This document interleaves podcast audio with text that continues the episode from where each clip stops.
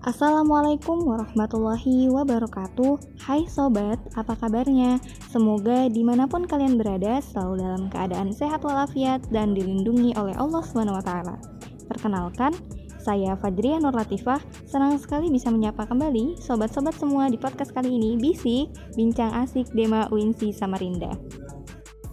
Nah, kali ini sudah hadir narasumber kita, Arman Maulana. Halo Kak Arman. Halo Fajria Nah, Kak Arman ini adalah staf Dema Winsi Samarinda di bidang sosial dan politik. Benar begitu? Benar sekali. Nah, Kak Arman, uh, sebagai anggota sosial politik di Dema Winsi Samarinda, kakak tahu nggak sih berita yang lagi marak-maraknya saat ini? Oh, tahu tahu Fajriah tentang kekerasan seksual. Ya, ya benar sekali. Akhir-akhir ini korban kekerasan seksual sangat ramai diperbincangkan. Terlebih, maraknya kasus kekerasan seksual terjadi di lembaga pendidikan yang seharusnya lembaga pendidikan bisa menjadi tempat teraman justru beralih menjadi tempat yang menyeramkan khususnya bagi wanita. Nah, menurut Karman sendiri sebagai salah satu staf Dema UNC Samarinda mengenai kasus kekerasan seksual yang banyak terjadi di lembaga pendidikan, ini bagaimana nih kakak dalam menanggapi kasus ini? Oke, okay, uh, eh, baik Fajri ya. Kalau saya sendiri melihat bahwa saya memang ini sebagai bentuk uh, keprihatinan juga. Saya ini kita semua pasti prihatin gitu mengenai kasus-kasus kekerasan seksual atau pelecehan seksual yang ada di dalam kampus gitu. Kampus yang harusnya menjadi rasa aman bagi uh, setiap mahasiswa atau setiap mahasiswinya untuk melaksanakan pembelajaran malah menjadi hal yang mungkin mereka takutkan adalah adanya kekerasan atau pelecehan seksual nantinya di dalam kampus mereka. Nah, uh, tentunya uh, Kemendikbud sendiri atau Pak Nadiem Makarim sudah memberikan uh, solusi menawarkan solusi uh, Permendikbud Ristek dan ini memang harus dilakukan atau direalisasikan di kampus kita di UINSI Samarinda khususnya. Itu kita bicara di kampus karena memang tidak ada jaminan hari ini kampus agama bebas dari kasus kekerasan atau pelecehan seksual. Dan ini harus menjadi perhatian kita semua. Bahwasanya eh, kasus-kasus seperti ini jangan sampailah terjadi di kampus kita UNC kalaupun terjadi ya buka saja media bahwasanya kampus yang baik itu tidak menutup-nutupi. Tapi kampus yang baik itu adalah bagaimana membuka kasus itu dan menyelesaikan kasus itu. Tentunya ada Permendikbudristek kita tidak hanya berbicara tentang penanganan melainkan juga tentang pencegahan Lalu langkah apa yang sudah dilakukan Dema dalam hal upaya pencegahan kasus pelecehan atau kekerasan seksual ini yang terjadi di dalam kampus? Oke, ini nah bicara langkah ya. Dema itu kemarin sudah melakukan diskusi. Jadi diskusi ini kita peruntukkan juga untuk mempertanyakan gitu statement-statement yang mengatakan permen ini melegalkan seks bebas gitu kan.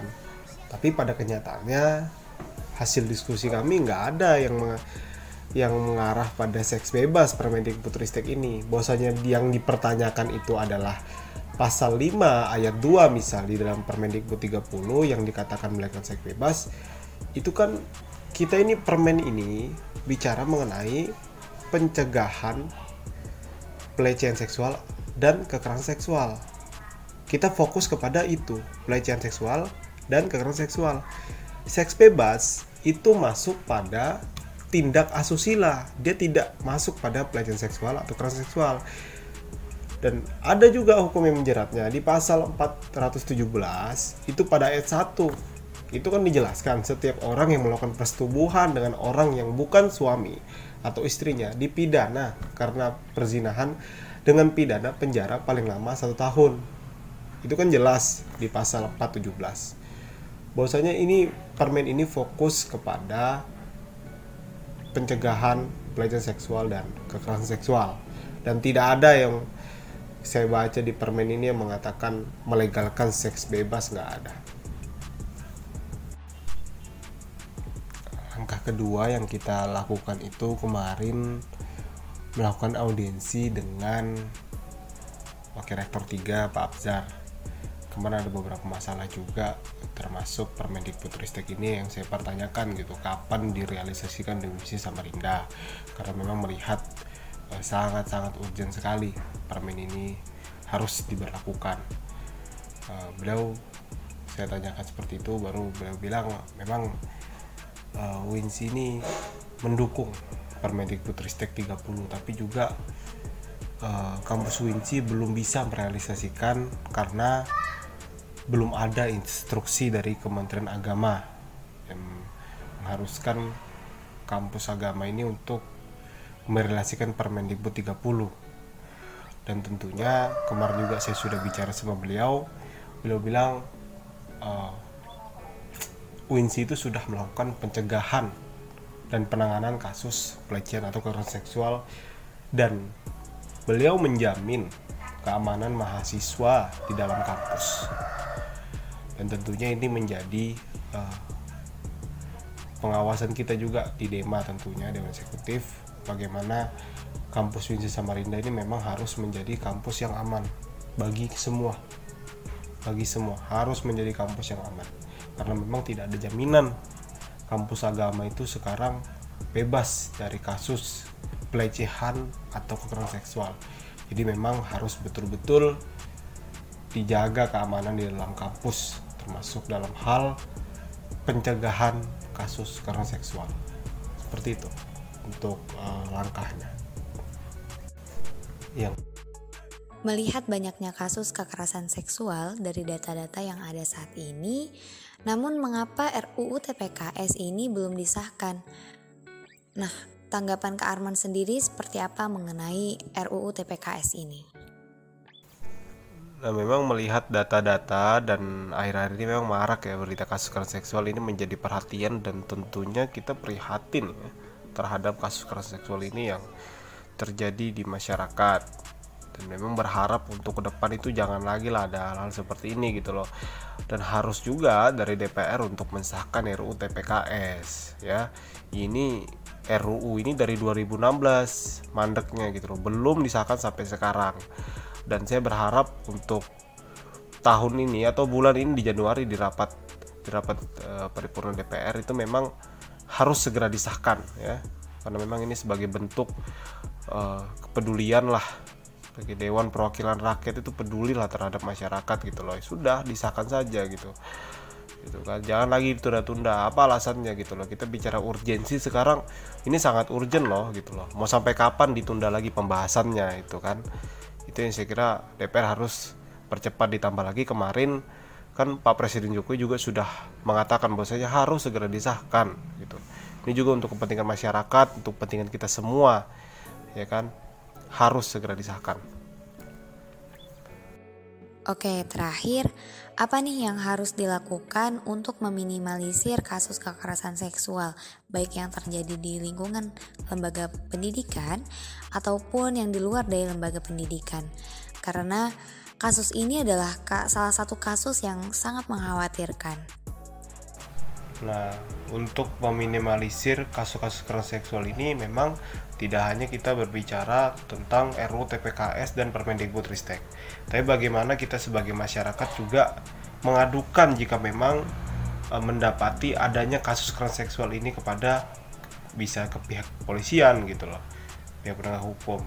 Nah, saya kasih contoh misal ada beberapa kasus pelecehan seksual ini terjadi uh, yang akhir-akhir ini marak terjadi gitu seperti kasus kekerasan seksual gitu hingga kehamilan yang dialami oleh Novia Widiasari.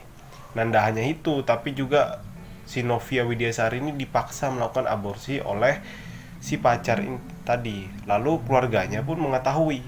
Lalu apakah si Novia ini mendapatkan perlindungan? Tidak, dia malah mendapatkan hinaan dan cacian yang dilontarkan oleh omnya. Contoh kasus lain itu yaitu dua orang anak di Padang itu diperkosa bergilir oleh anggota keluarganya. Bahkan saat mereka melapor ke tetangganya, tetangganya malah ikut memperkosanya. Bahkan ada juga nih kasus seorang pemilik yayasan yang memperkosa 13 santrinya hingga ada beberapa yang sampai melahirkan. Nah, memang dari beberapa contoh kasus kita bisa dapat simpulkan gitu loh bahwasanya penyebab kasus pelecehan seksual di Indonesia itu karena kebanyakan orang memilih diam. Orang memilih diam gitu loh. Yang mengalami kasus pelecehan seksual korbannya ini memilih diam. Dan hal inilah membuat pelaku juga merasa aman sehingga dapat terus menerus melakukan dan terkadang pelaku mengancam. Mengancam dengan ancaman yang membuat korban tidak dapat melaporkan ya kan? Selain itu korban pelecehan juga tidak sedikit yang mendapatkan hinaan bahkan hingga dijauhkan oleh masyarakat sekitar. Tuh. lantas ke mana juga nih sekarang para korban harus berlindung dan mengadu saat orang-orang yang dipercaya seperti guru, keluarga ini tidak dapat membantu korban, tidak dapat dipercaya membantu korban, tetapi memperparah keadaan. Nah, hal seperti inilah yang membuat korban itu memilih diam dan enggan speak up tentang permasalahan-permasalahan yang dialami tentang pelecehan seksual yang dialami dia. Nah, oleh karena itu kita juga sebagai masyarakat harus atau sudah seharusnya memiliki kepekaan dan toleransi yang tinggi. Kita juga dapat membantu dan menolong korban, bukan malah menghindar atau menghina. Karena korban sangat membutuhkan support dari orang-orang terdekatnya, terutama keluarganya. Karena sejatinya korban pelecehan seksual sama halnya seperti orang lain memiliki hak untuk dihormati dan dihargai. Nah, jadi begitu ya sobat. Setelah perbincangan panjang dan ringan, akhirnya kita sampai juga nih di penghujung podcast. Gimana menurut para sobat? Apakah sudah mendapatkan sesuatu yang bisa dipetik dari perbincangan ini? Karena kita sudah di ujung, artinya kita harus mengakhiri nih podcast hari ini. Eits, tapi bukan akhir dari semuanya ya.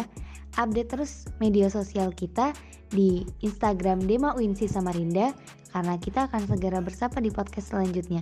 Stay soon. Wassalamualaikum warahmatullahi wabarakatuh.